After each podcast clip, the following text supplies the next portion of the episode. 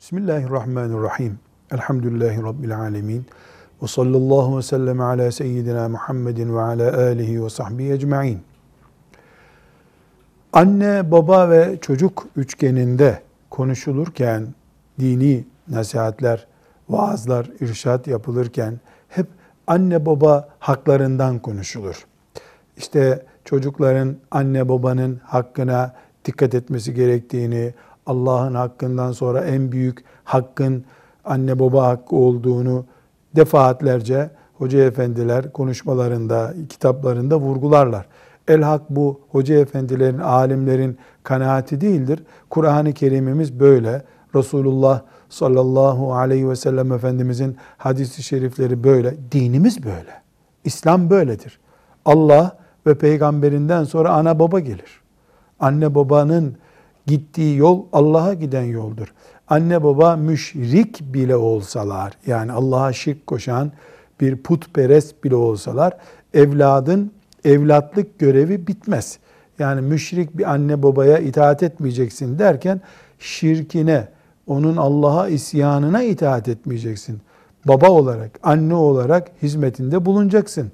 Müşriktir diye sen ondan doğmama yapamadığın gibi müşrik babadır ben reddediyorum başka baba bulacağım diyemeyeceğin gibi itaat konusunda da e, bir evladın herhangi bir şekilde müşrik anneye babaya değil günahkar, müşrik anneye babaya bile itiraz etme hakkı yoktur insani ilişkilerde, aile içi ilişkilerde.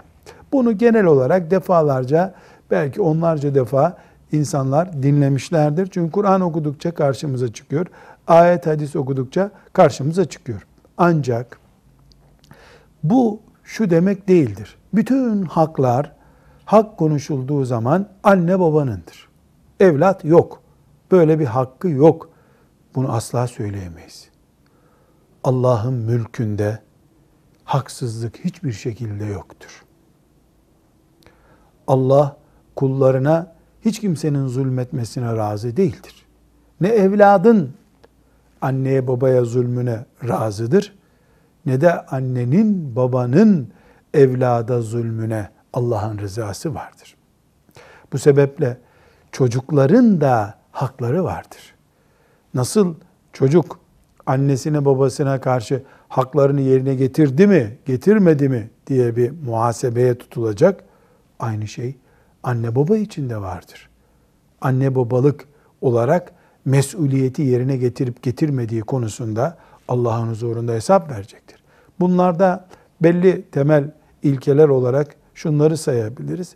Bir, fiziki şartlar olarak çocuğun doğumundan sonra sağlığı, okuması, yaşaması vesaire ile ilgili bütün fiziki şartları sağlamak anne babanın görevidir, çocuğun hakkıdır. Buna ev diyebiliriz, giyim diyebiliriz, yiyecek içecek diyebiliriz. İki, eğitilmesi konusunda anne baba sorumludur. Eğitimden de Allah'ı peygamberi bilmek, fıkhı bilmek, insana zaruri olarak gerekli olacak kadar fıkhı bilmek ve yaşadığı dünyada bir meslek sahibi olacak kadar eğitilmiş olmak da anne babanın görevi, çocuğun hakkıdır. Üçüncü olarak da çocuğun haklarından birisi de mübah olan işlerde serbest olmaktır. Ne demek mübah? Farz değil, vacip değil, haram değil, mekruh değil. Serbest bir konu. Oyun oynamak, uyumak. Bu tip işler çocuğun hakkıdır.